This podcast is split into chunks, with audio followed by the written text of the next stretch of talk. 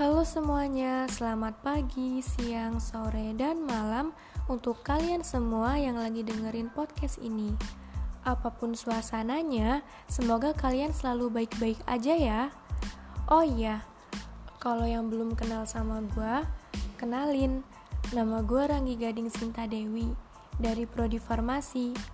Biasanya nih, kalau gue gak nyebutin nama gue dengan lengkap, Gue sering banget loh dikira cowok.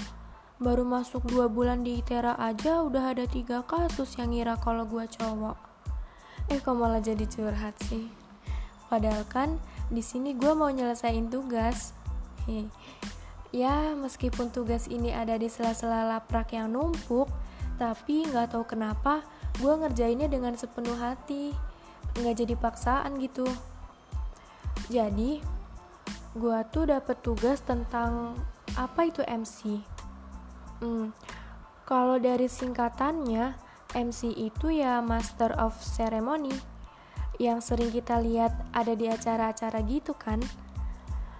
Yang mana runtutan dari suatu acara ya MC yang pegang. Nah, kalau si MC ini bisa megang acaranya dengan baik dan benar, otomatis ya acara itu bisa berjalan dengan lancar. Jadi, bisa dibilang MC ini memiliki peranan yang sangat penting dalam suatu acara. Kalau di suatu acara nggak ada MC, terus gimana acaranya mau berjalan dengan lancar? Masa iya acara udah bagus-bagus tapi nggak ada MC-nya? Terus siapa dong yang bakal mimpin acaranya? Nah, dari situ tuh banyak orang yang tertarik ingin menjadi MC. Salah satunya gua. Sebenarnya gua nih orangnya nggak pedean sih kalau di depan banyak orang.